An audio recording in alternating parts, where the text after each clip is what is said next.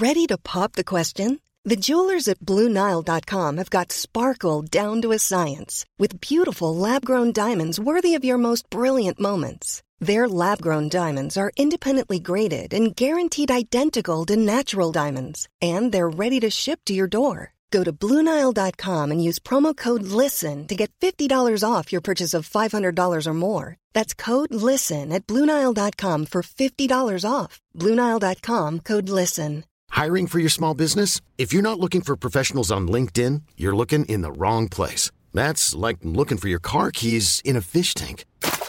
LinkedIn helps you hire professionals you can't find anywhere else, even those who aren't actively searching for a new job but might be open to the perfect role. In a given month, over 70% of LinkedIn users don't even visit other leading job sites. So start looking in the right place. With LinkedIn, you can hire professionals like a professional. Post your free job on linkedin.com slash achieve today. Wow. Nice. Yeah.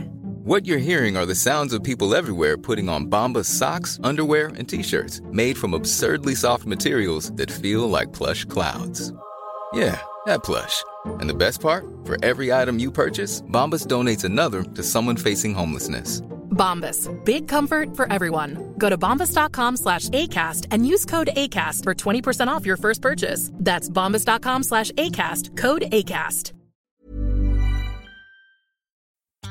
Velkommen til Bak scenen. Jeg heter Trond Harald Hansen, og i denne podkastserien får du bli med i kulissene på norsk showbiz-bransje når jeg snakker med kjente artister, skuespillere, programledere og produsenter. I dagens episode får jeg besøk av Steinar Albrigtsen. Bak scenen med Trond Harald Hansen. Velkommen hit. Tusen takk. Hvordan var det å få et gjennombrudd med 180 000 solgte album og liksom bli allemannseie? Ja, det kan du si. Det var veldig spesielt. Det var ingen av oss som hadde regna med det.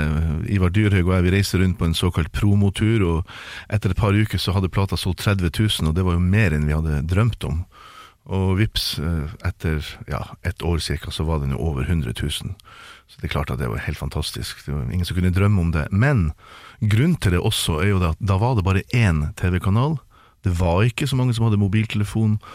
Eh, Det var ikke noe selfies, det var ikke noe eh, podcast, det var ikke noe eh, internett ikke sant, som jeg ligger og surfer på. Så det var Folk visste om det hvis jeg kom ut med en ny plate. Og, akkurat da jeg kom ut med den første plata, så fikk jeg jo klippekort på alle de norske TV-programmene som hadde litt underholdning ved seg. da. Ja. Så det er klart at da får du veldig mye hjelp av det òg. Det er jo en ting som jeg syns veldig synd på utrolig talentfulle folk i dag, som ikke har den sjansen. Du må liksom være enda bedre, du må være liksom ekstra over the top god for at folk skal legge merke til deg i dag. For det er så mye støy overalt. Men du slo jo gjennom på en tid hvor, som du sa, verden var ganske annerledes. da Man hadde jo bare én TV-stasjon, ikke sant? Verden var annerledes. Det var uh, roots-bølgen. Det var ingen som torde å kalle det for country, så de kalte det for roots. Uh, disse tøffe gutta med sånn rødt tørkle i baklomma, og, ja, som digga Tom Petty og Bruce Springsteen. Eh, Så gikk det litt over i country-greia, da, men ikke i den der såkalte helt purified countryen. Ikke den der eh, liksom, det som blir kalt for litt sånn Johan-country, hvis du skjønner. Det var jo litt røff country da man hørte på, og, og så det som jeg forsøkte å gjøre på min første plate, var jo litt annerledes type countrymusikk. Jeg hadde jo med selveste Knut Reiersrud på gitar, før han ble den store Knut Reiersrud, artisten med, med sant, blues og alt det der. Så, så, og så hadde jeg Bjørn Kjellemyr på bass, av alle. Bjørn Kjellemyr er jo en jazzbassist. Trommeslager Rune Arnesen er jo også en, en, en fantastisk eh, trommeslager som behersker veldig mange forskjellige stilarter. Og så hadde jeg med meg selveste Per Kolstad, som tidligere har spilt i Lava. Så når du tar de folkene sammen og spiller country, så blir det jo en litt annet uttrykk. Det blir ikke så Det låter jo helt ja, det blir ikke så enkelt kanskje som veldig mye country. Og det er ikke noe galt med enkel country, men vi forsøkte å gjøre det litt, eh, litt eh, mer eh, hva skal jeg si, hipt, for å bruke et dårlig uttrykk. Før det her da, så har du jo spilt i over 20 år før det.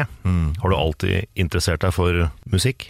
Altså Da jeg var fem-seks år gammel og var med min mor ut på tedans i Hammerfest, der jeg liksom først trådde mine barnesko Hvis jeg forsvant fra kafébordet og hennes venninne ble veldig bekymra for hvor jeg befant meg, så sa min mor bare 'slapp helt av, han sitter sikkert på scenekanten'. Og det gjorde jeg. Jeg satt der og så på disse gutta som hadde sånne fine blå dresser. Det var et tysk danseband der som spilte Seman Lastas Strøymen, og min far var utenrikssjømann, så det var liksom min yndlingssang da jeg var liten, som handla om sjøfolk. Så den fikk jeg alltid Når jeg, de så meg, så spilte de Seman for meg, da. Ja. Så eh, flytta vi til Tromsø, og Min onkel kom fra sjøen, min onkel Willy kom fra sjøen med sånne EP-plater. Og da var det en stemme der som bare gjorde at jeg begynte å gråte. Foreldrene mine trodde melka var sur, men jeg pekte på platespilleren, og det var eh, Edith Piaf sin stemme som virkelig fikk meg helt på gråten. Og i ettertid så skjønner jeg jo hvorfor, for det var jo at det nærmeste du kommer fransk blues, vil jeg påstå. Og hun og Billie Holiday døde jo bare tre måneder altså, imellom. Altså, det var bare tre måneder mellom de dødsfallene, og de var på en måte litt beslekta, føler jeg. De sleit veldig mye med drugs og harde liv, men de hadde jo fantastisk talent av begge to. Så i ettertid så har jeg satt meg inn i det, men det liksom virker som jeg hadde et lite kompass der for uh, musikk som, som rører. Hvem var det som har vært uh, inspirasjon, da? Heltene? Nei, jeg må jo skrive en ganske lang liste da. Det er klart. Det er, jeg er jo 60 år, så det er utrolig mye som har inspirert meg. Alt ifra eh, Lapp-Lisa til eh, Lillebjørn Nilsen, Finn Kalvik, Øystein Sunde. Alle de her norske visesangerne. Det var sånn jeg begynte å spille gitar. Og så begynte jeg etter hvert å interessere meg for amerikansk musikk, og i den der singer-songwriter-tradisjonen, så det var jo Simon and Garfunkel, det var James Taylor, Linda Ronstadt, eh, Emmylou Harris, som vi snakka litt om før, før du satte i gang tapen. Eh, Så, så det, er, det, er, det må være noe med stemmene, det må være noe med uttrykket som rører meg. Og uansett musikkstil. Jeg er veldig glad i klassisk musikk, jeg er glad i en del type jazz, eh, men det må være noe som rører.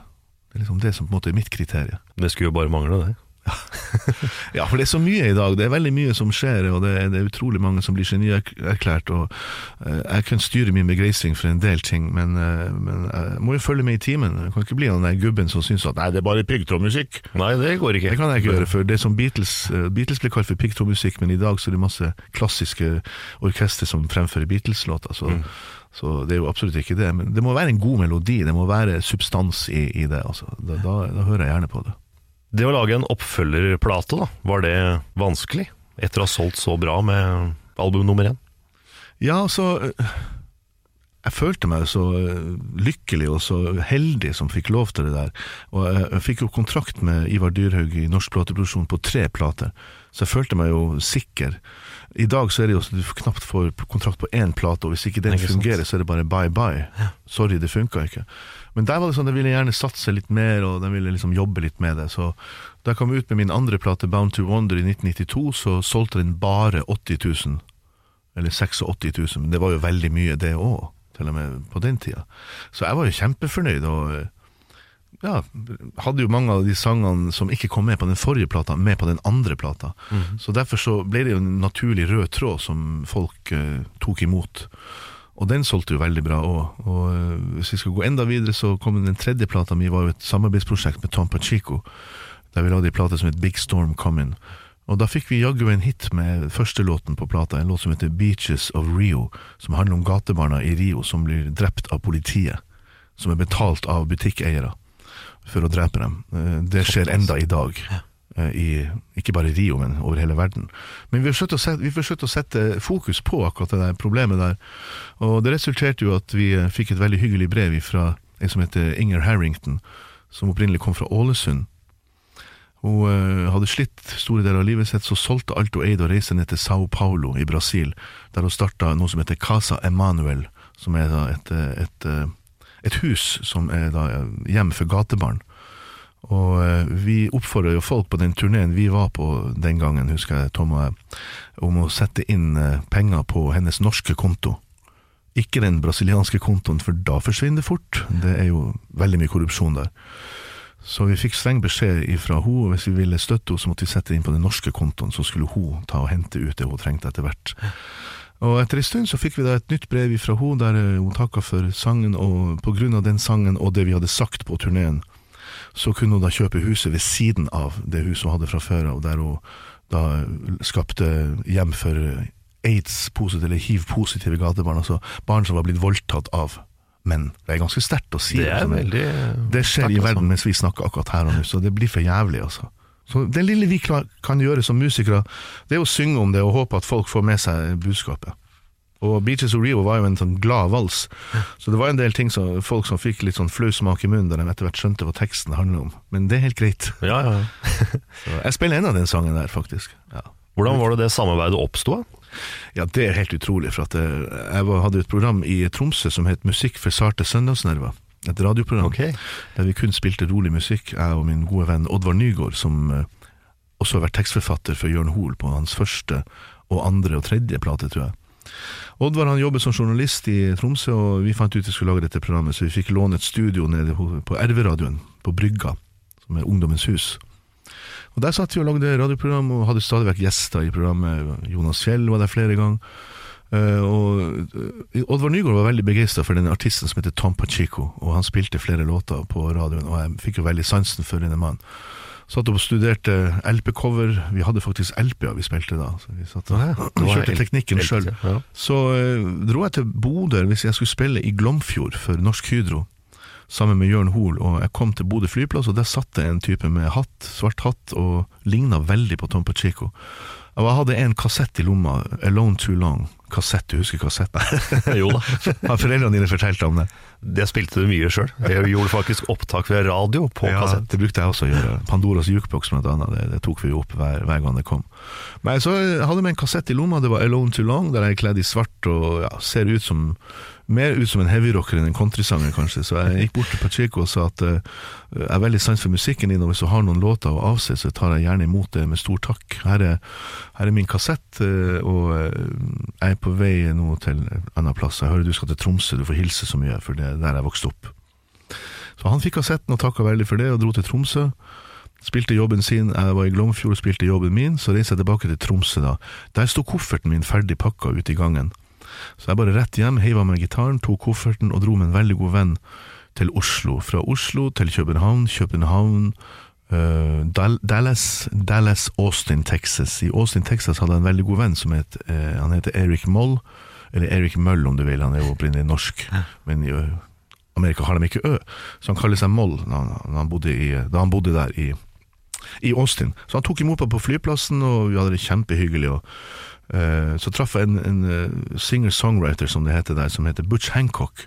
Han har til og med skrevet låter for Emily Harris. Jeg hadde jo med denne kassetten som jeg ga til Tom Pacheco, så jeg ga den til Butch Hancock òg. Hvorpå jeg også skrev nummeret til eh, motellet der jeg bodde. Samme kvelden så ringer telefonen. Hello, is this Steinar Albrigtsen? Yeah, this is Tom Pacheco. Hæ? Jeg ringer fra min venn Butch Hancock sitt hus. Jeg kom inn i huset, så ser jeg en kassett. Den kassetten ga jo du meg i Nord-Norge for tre dager siden. Ja. Eh, Men hva gjør du her, sier jeg. Nei, jeg, jeg dro ifra Tromsø til Oslo. Oslo, Dublin. Dublin, Dallas. Dallas, Austin. Han skulle spille i Austin, Topo Chico. Det visste jo ikke jeg.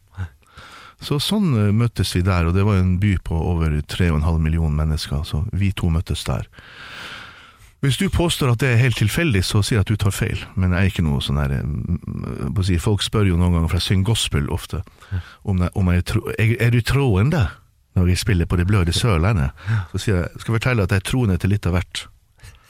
Det er det jeg bruker å si. Så eh, jeg vil egentlig ikke noe troende, men jeg tror på skjebnen. Det må jeg jo tro på, etter noen sånne opplevelser. Det bør man jo egentlig etter en Ja, sånn historie. men jeg syns det var litt for merkelig at det skulle være helt tilfeldig. Og han kom selvfølgelig til motellrommet mitt den kvelden og spilte for meg sanger som She Belongs to the Rain, Big Storm Coming, Beaches of Rio, som han da allerede, allerede hadde skrevet, og flere andre sanger som jeg etter hvert tok med på mine fremtidige plater. da. Så der starta vel egentlig samarbeidet, i 92 da. Så fikk jeg jo eh, igjennom det at vi skulle lage plate sammen i Norge. Og eh, etter hvert så har vi jo jeg har vært over der og skrevet sanger sammen med Tom Pacheco. Han har skrevet sanger sammen med min kone. Og ja, vi har vært på turneer her. Og, eh, altså, vi skulle egentlig på turné i fjor, eller i år faktisk, men så fikk han en sånn prolaps. Og det har jeg vært borti sjøl, sånn uh, ryggproblem. Og da ikke noe særlig eh, kult å sitte i en bil i åtte timer. Det funker ikke, da. Fra Oslo til Flekkefjord. Det var første jobben, faktisk, så vi sa vet du hva, vi tar det her på egen kappe. Og så satser vi på at han kommer tilbake til våren Mm. 2018. Hvordan var det du fikk eh, platekontrakt egentlig? Det var vel en verre tid, eller en, en um, mer komplisert tid å bli oppdaga på? Ja, det var jo det. Det var jo mange om beinet da òg, ikke sant. Og, og eh, Ivar Dyrega hadde jo stor suksess med Bjørn Eidsvåg og uh, Dance with a Stranger, som var på den labelen da. Pluss andre artister òg. Um, så jeg gikk jo runden da. Jeg snakka med BMG, jeg var flere ganger innom BMG, jeg var på Sony og hadde møter med dem. Stort sett overalt så var det samme visa. Nei, du må klippe håret og synge på norsk. Jeg prøvde å si til dem at hør nå, jeg har vært flere ganger på TV fra 1987 og oppover til i dag, eh, der jeg synger på engelsk ikke sant, og får veldig bra gehør for det, og spiller liksom fingerpicking, gitar. Det er liksom min stil, da. Den har jeg liksom på en måte ja, jobba litt med for å få til da, i noen år. Og nå liksom bare for å få platekontrakt til å forandre, og kaste alt og så bare forandre hele stilen, det, det ville verken jeg sjøl eller mitt publikum, som jeg da hadde klart å opparbeide, ville ikke tro på det. Nei. Så jeg hadde jo allerede hatt et eh, portrettprogram på TV som het Yrke Blues. Eh, Det var et ektepar oppe i Mosjøen som skrev et brev i VG. da. Nå må norske platedirektører få øynene og ørene opp for denne fantastiske sangeren fra Tromsø, Steinar Albrigtsen, bla, bla, bla. Og det hadde Ivar Dyrhaug faktisk sett. Det hadde har lest. Og liksom, jeg tror det på en måte vippa han litt i den retning at han gjerne ville ta et nytt møte. Så gjorde vi det, og jeg var så heldig å få ting veldig mye på mine premisser. Jeg kunne plukke musikere, og jeg kjente Knut Reisrud litt fra før av. Og jeg er veldig glad for at de sa ja til å være med på det prosjektet. Det er jo veldig mange norske artister som i min kategori, som synger country, da, som drar over til Amerika, til Nashville, og hyrer et eh, band i et studio i Nashville og tror at da blir det sinnssykt bra. Men eh, dere må passe dere, gutter og jenter, for at de folkene der de er så proff at de bare sitter en dag og spiller inn et helt komp. De er vokst opp med den musikkstilen der, så, så de bruker ikke så mye kalorier på akkurat det kompet der. Så det blir ganske streit, strømlinjeforma, og ofte litt kjedelig. Jeg bruker heller norske musikere, for vi er vel så bra som dem, altså, for å si det rett ut. Pluss at vi har en annen måte å tilnærme oss stoffet på. Uh, vi er ikke så inngrodd i den der uh, My daddy played the mandolin and I have to play the banjo. Nei, Altså, I Norge så kan Å ja, ta med cello på countrylåten. Kjempefint, det gjør vi det. Å, har du lyst til å legge litt sånn norsk folkemusikk inn i låten på slutten? Det høres jo kjempefint ut. Det gjør vi. Sånne ting syns jeg er veldig bra. Sparke det litt videre. At ikke alt blir sånn her eh, drøvtygging. Det er viktig. Det er det. For å snakke på countryspråket. Du og Jørn Hoel ga ut ei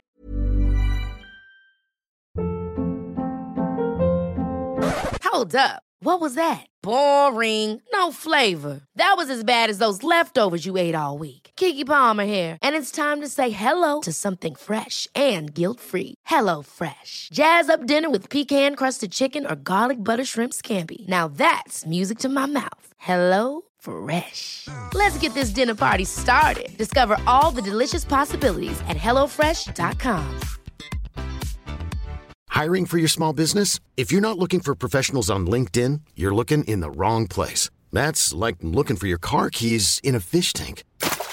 LinkedIn helps you hire professionals you can't find anywhere else, even those who aren't actively searching for a new job but might be open to the perfect role. In a given month, over 70% of LinkedIn users don't even visit other leading job sites. So start looking in the right place. With LinkedIn, you can hire professionals like a professional. Post your free job on linkedin.com slash achieve today. Ei plate i 97, Ja. men dere har jo kjent hverandre helt siden dere var barn. Å ja, jeg blir ikke kvitt han så lett. Nei. Vi var seks år gamle da vi møttes på skøytebanen. Og det var jo, da var det syv år du, du var når du begynte på skolen, så vi ble kjent året før vi begynte på skolen. Og, og begge hadde eldre brødre som selvfølgelig hadde inspirert oss musikalsk med den musikken som vi hørte på. Da, så de hørte på. Så vi hørte jo veldig mye på den samme musikken og var veldig enige om at det var enkelte ting vi ikke likte, og så var det noen ting vi likte. Så vi, vi møttes veldig på den musikalske greia. Eh, så gikk vi i samme klasse på skolen helt til, til og med niende klasse. Og vi gikk tiende klasse òg, faktisk. Tok oss et lite sabbatår der, og da gikk Jørn i en parallellklasse da, til meg. da. Da kom Jesus Christ Superstar ut. Jeg husker Vi, vi dramatiserte jo Jesus Christ Superstar i skolegården. Eh, Gjett hvem som var Jesus. Jørn Hoel, selvfølgelig. Han Spilte hovedrollen, selvfølgelig. Jeg spilte vel en av de fariseerne som He is dangerous, he is dangerous. We need him crucified og så videre. Så jeg syns det var en veldig tøff film, da. Og eh, det var mye ståhei rundt den filmen da den kom, men eh, man kan ikke, man kan ikke stikke under en stol at det er en fantastisk eh, fin historie. Eh, Mor mi hun døde for noen år siden. Hun sa Bibelen det er et fint eventyr. Så kan jo folk være enige eller uenige i det, men, eh, det er et veldig fin, fin historie. Og, eh, Ja, er og selve Kristusfiguren er jo en fantastisk menneske, så selv om man tror eller ikke tror, så er syns jeg det kanskje litt viktig å stikke bak øret litt, sånn, prøve å være litt sånn som Jesus iblant. Ikke slå folk som ligger nede og Jeg lurer på om jeg skal sende han Donald Trump en bibel. Jeg lurer på om jeg skal gjøre det. Det tror jeg du ja, det, ja, det tror jeg du kan gjøre. Nei, altså Det er så mye ondskap i verden, og det å være snill med folk, det, det krever så lite. Det gjør det. Det er ikke så mye som skal til. Litt medmenneskelighet i en kald verden, altså. Det, og det, eh, det sier jo det gi og du skal få. Og det er klart at du får en god følelse i magen av, av å være ålreit med folk. Og om det, er, om det skal liksom kritiseres, så vær så god, kritiser. Men jeg syns det er litt viktig å prøve å være litt uselvisk. Året etter så får dere lov til å lage den off- offisielle VM-låta. Samme, ja, det var Jørn egentlig som lagde den VM-låta, Let's Do It. Jeg var med og fremførte den sammen med min gode venn Øyvind Elgenes. Ja da, det ble jo ikke akkurat den som ble valgt, men det kom noe med på den plata iallfall. Den var med, i hvert fall. Ja da, og eh, vi var vel litt usikre på om vi kom til å bli saksøkt, men låten heter jo Let's Do It, ikke Just Do It. Ja, For Just sant? Do It er jo Nike sitt Ja, eh, valgspråk. Men inni der så synger jo vi også Let's Do It, Just Do It. Men altså, det er jo en del av en tekst. Og det er klart at det er god reklame for Nike, sånn sett. Så eh, vi hørte ikke noe fra dem. Men det er klart det var artig å være med, og jeg har faktisk hengende hjemme i skapet en landslagsdrakt Umbro altså, med tatovert på ryggen Albrigtsen, og så er jeg nummer ti. Og det er veldig litt kult å være nummer ti. Det er Ja. ikke det han Solskjær var, egentlig. Det vet Jeg jeg. tror ti er det veldig mange som er interessert i å ha ti på trøya si. Mm. Så jeg har sko, jeg har støvler, full pakke. Eh, Så, jeg, har ikke brukt det så mye, for å si det rett ut. Nei. Det er liksom ikke hver dag man går kan- ut i full lønnsdrakt. men det er klart at hvis Norge kommer til VM, og sånn, da kommer jeg til å sitte hjemme med den drakten på, og fotballstøvler og strømper, alt inne med norsk flagg, og hyle og skrike. Det kommer jeg til å gjøre. Mm. Det er jeg stolt av. Jeg veit at du kjente til Johnny Cash. Ja, jeg fikk en telefon i 92 en gang. eh, eh, Hei Steinar, det Johnny Cash vil gjerne gjøre et par låter med deg i morgen. Jeg var hyra og skulle gjøre, spille ute med mitt eget band ute på Bærums Verk, som da uh, var Norwegian Woods første konsert. Der var Jørgen Roll og gutta som eh, arrangerte det. Eh, Jeg trodde det var en kompis som ringte for en sånn tulletelefon, så sier jeg du, er det du Gustav? Nei da, det var Det er Jørgen Roll, det er helt sant. Så jeg sykla bortover til SAS-hotellet. Jeg bodde jo ikke så langt unna. Kom inn der og sa at han hadde avtale med Johnny Cash, og så sto jeg så utover foajeen mens jeg venta på at han skulle komme ned med heisen, og så hørte jeg bare døren åpna seg bak meg. Heisdøren, og så hørte jeg en stemme bak meg som sa Hello, I'm Johnny Cash. Og da fikk jeg frysninger. Snudde meg rundt, og handa mi forsvant inn i en svær bjørnelabb, og så gikk vi og satte oss i baren og drakk mineralvann, for han var jo slutta å drikke. Men for en hyggelig kar. Og det var jo dagen før jeg ble forespurt det her. Så, eh, så da jeg kommer inn der i baren, så sier han So, what songs of mine do you want to sing? Og jeg bare uh-oh. Så sier jeg beklager, jeg har ikke gjort hjemmeleksa mi. Jeg fikk telefon i går. Jeg har hørt mange av sangene dine, men det er ikke så mange jeg kan utenat. Men hva hvis vi kjører en sånn litt sånn der eh, American Songbook? At vi Jeg vet at du kan nesten alle sangene som er skrevet. Sånn, well, that's right. Så sier jeg, hva hvis vi hadde gjort en låt, denne Sing Me Back Home av Merle Haggard, og eventuelt Waiting on a Train av Jimmy Rogers, The Blue Yodeler. Those are very good songs, let's do those. Og så øvde vi da inne i campingvogna. Eh, svær campingvogn som jeg hadde fått tildelt der. Um, det slo jo meg da jeg hadde det møtet med Johnny Cash i, på SAS Hotel, at han, han var veldig lik min far. Um, det som er litt av historien, er at uh, første gang min far kom hjem fra sjøen med en kassettspiller i presang til meg, så hadde, sto det en kassett inni spilleren, og den het Hello, I'm Johnny Cash. Og da var det bare sånne tøffe låter av Chris Christofferson og Ja, han gjorde veldig mye fine låter der. Så selv om jeg hørte på Led Zeppelin og Deep, Deep Purple og si Jimi Hendrix på den tida der, så måtte jeg si at jeg ble veldig grepet av Johnny Cash sine tekster. Allerede da beherska jeg jo engelsk ganske godt. Og eh, Altså Nå tenker jeg på da jeg var 15-16 år, da min far kom hjem. Så jeg, jeg visste jo godt hvem Johnny Cash var. Og eh, så Da vi satt der, så sier jeg You know, Mr. Cash No, call me Johnny. Ok, Johnny, you look a lot like my father. He was a sailor. Sånn. Jeg tror til og med han hadde med bilde, han var helt enig eh, at han ligna på han. Så jeg, Well, in that case, you look like my son. Altså, hallo, verdensstjerne som sier det til lille meg fra Tromsdalen, jeg blir jo helt satt ut. Og, og kom i campingvogna, og der eh, svinser June Carter rundt i kjempegodt humør. En liten engel, for å si det rett ut. Hun var så utrolig hyggelig. Og viktig å si også, alle de folkene der, ingen nykker. Det var helt eh, vanlige folk.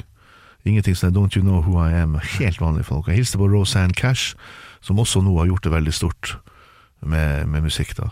Nei, så det, det, det, det er alltid veldig ålreit å treffe folk som du har sett opp til så lenge, og så oppdager at de er veldig ålreite folk. Ja, det er så helt vanlig. mot tilsvarende nedtur hvis folk du har sett opp til er bare de drittsekkene. Altså, det, åh, det er ikke noe gøy. Nei, det er ikke noe god Nei, det har jeg også opplevd, men ja. skal vi ikke rippe opp i nå. Men altså, det var utrolig hyggelig. Og øh, flere år senere så traff jeg Willy Willie Nelson, og da hilste jeg også litt på Johnny Cash. Da jeg hørte på The Highwaymen nede på Spektrum, da. Så, så da var dem der. Og da, da snakka jeg også litt med Johnny Cash. Det jeg lurer på da, det er hvordan oppdaga han deg? Nei, altså Jørgen Roll hadde sagt at det er en annen sanger her i, som skal åpne for, for deg i morgen, som er veldig veldig populær i Norge og veldig dyktig og veldig flink. Og Jeg lurer på om ikke han, kanskje Jørgen spilte litt musikk fra, fra plata mi til Johnny Cash, og så likte han det, og så sa han hey, why don't we do a couple of songs together? Og Da, da spilte jeg med bandet til Johnny Cash, så da ble jeg invitert inn på scenen. Det fins et videoopptak øh, øh, på siden hun der Brita Blomkvist som hadde det der øh, som var, Hvis folk var ute etter selbuvant vått mønster, eller et spesielt strikkemønster, Det- sånn, så, så, så kan du få det av Ivar Johansen i Løddingen. Det fikser P1, ikke sant? Ja, jeg lurer bare på hvis, ja, hvis Radio Norge kan fikse noe Hvis noen hører på og har et opptak, eller kjenner noen som har et opptak fra min opptreden med Johnny Cash, så er jeg veldig interessert i å få en kopi ut av det. Jeg har jo bare ett bilde, og så vet jeg at det er en, han, eh, en kompis som er Bjørn eh, uff, Jørgensen og Grønlund, husker du det programmet? Ja, han, eh, Ole Jørgen Grønlund og Sam Bjørn som var med å starte Radio Norge. Han har et lite opptak, men det er bare 25 minutter. Ah ja. Introen, der sier Johnny Cash I have a new friend today, his name is Steinar Albrigtsen. Steinar, og så kom jeg inn på scenen. Bare det hadde jo vært kult å ha. Absolutt. Men altså, nei, det var trist at Johnny Cash skulle gå bort uh, på den måten han gjorde. Han visna jo hen. Han døde jo tre måneder etter June Carter. Jeg fikk jo en tekstmelding her fra managementet til, til Johnny Cash om, om vi kunne be for, for June når hun skulle opereres. Det sto nøyaktig når hun skulle opereres, så de hadde oversatt det til norsk tid òg. Så jeg tenkte på at hvis alle sammen går i bønn for henne, så vil hun overleve. Men sånn gikk det ikke. Hun døde jo under operasjonen. Ja. Du kom med en ny plate nå for et par måneder siden. Stemmer det? Det var et bestillingsverk til Notodden Bluesfestivals 30-årsjubileum, og jeg hadde jo allerede skrevet en del blueslåter. Eh, Jeg lagde en bluesplate i 2001 som het Stripped, som var nesten bare meg med gitar, og, og denne gangen så lagde jeg et prosjekt som heter The Daily Blues, som er på en måte en eh, oppsummering av mine helter da. Jeg har skrevet nye låter da, om mine helter da, med tittelen som er navnet deres, da, Junior Wells, er for eksempel tittelen på én låt, og det handler om mitt møte med Junior Wells og Buddy Guy, da jeg var oppvarmingsartist for dem i, eh, på Rockefeller i eh, 1989, tror jeg det var. Knut Reisju som ringte meg. Og det var også en litt sånn ut av kroppen-opplevelse. Hva? Skal vi være oppvarmingsartister for de største blueslegendene som har eksistert? Og eh, så jeg ble jo med på det, selvfølgelig. Starta med en, vals, eh, en countryvals som heter White Man Singing the Blues. Skrevet av min store helt Merle Haggard. Og så gikk jeg videre da og spilte Fingerpicking Blues, og avslutta vel med en låt av Fabulous Thunderbirds med fullt band. Og da jeg kom bak scenen, så står Junior Wells der med liksom leppa på å sånn! Ser litt sinna ut, for å si det rett ut. Så sier han you're not, a, you're not a white blues singer. Så tenkte jeg å ja, nå får jeg høre det. Because white people can't sing the blues. Å nei da. Tvert imot. You're just a blues man. Så sier han hvis jeg kutter meg opp i handa her, og du gjør det samme, kommer det rødt blod ut. We're just, we're just brothers, man. Everybody hurts. Everybody struggles. Now stop with that color thing. Everybody got the blues. Og så sier jeg wow, det var veldig hyggelig. Hey, do you want a drink? Satt jo oss der, fikk jeg en drink, og han eh, og satt og snakka med han over en halvtime. Og da viser det seg at han var veldig glad i Merle Haggard. Altså, um, veldig mange av de folkene som spiller bluesmusikk, når de kommer hjem fra jobb, så hører de på countrymusikk. Jimmy Hendrix elska Hank Williams. Ser du det? Ja, han satt hjemme og hørte på Hank Williams. Han. I'm so lonesome I could cry. Og Lost Highway, for eksempel, den som Kurt gjorde med Willie Nelson. Det var yndlingslåtene til uh, Jimi Hendrix. Eh, Tom Pacheco kjente jo Jimi Hendrix personlig. Eh, de møttes eh, hver dag på en kafé like ved utestedet Café Wa, der de spilte i New York. Jimmy Hendrix hadde et band som het Jimmy James and The Blue Flames. Og Tom Pacheco hadde et band som het The Raga Muffins.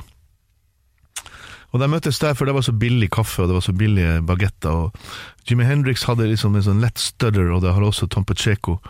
Eh, så så eh, Så Jimmy Hendrix pleide å si you, you, you know, Tom, one of these days I, I'm gonna record this song, but in my way.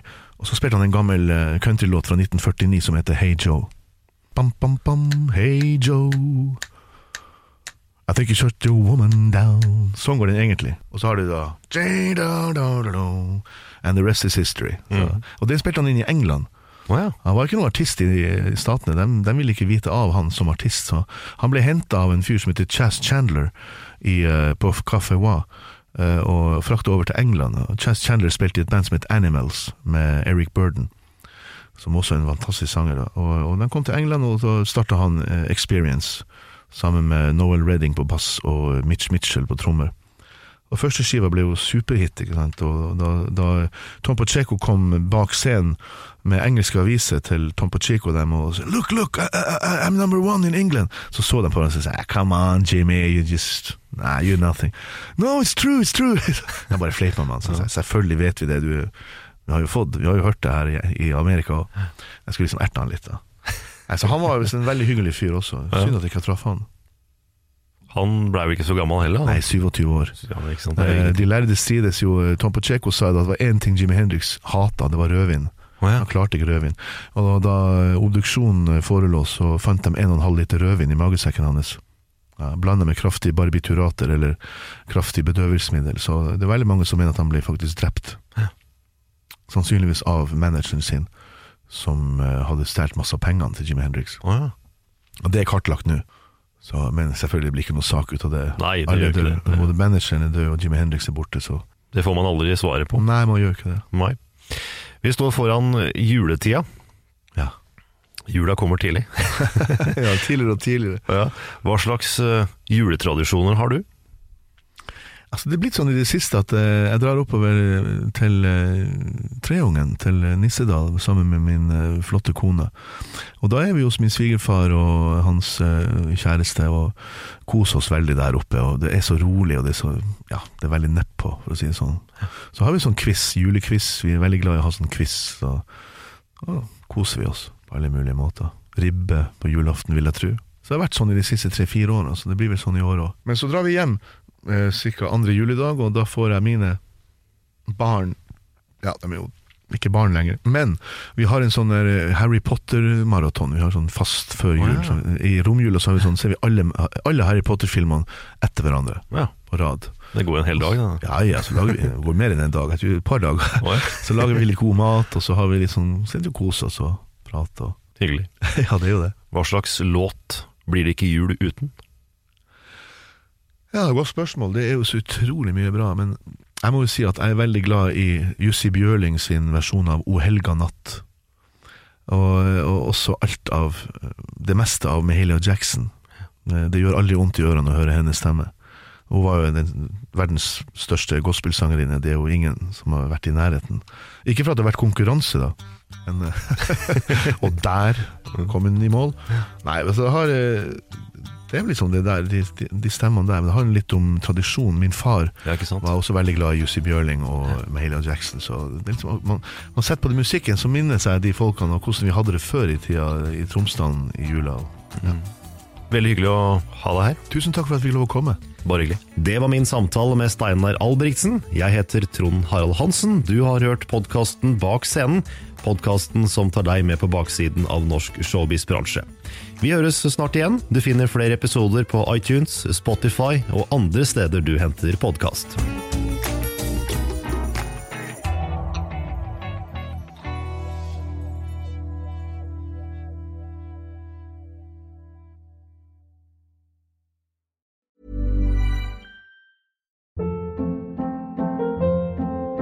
Hold up. What was that? Boring. No flavor. That was as bad as those leftovers you ate all week. Kiki Palmer here, and it's time to say hello to something fresh and guilt-free. Hello Fresh. Jazz up dinner with pecan-crusted chicken or garlic butter shrimp scampi. Now that's music to my mouth. Hello Fresh. Let's get this dinner party started. Discover all the delicious possibilities at hellofresh.com.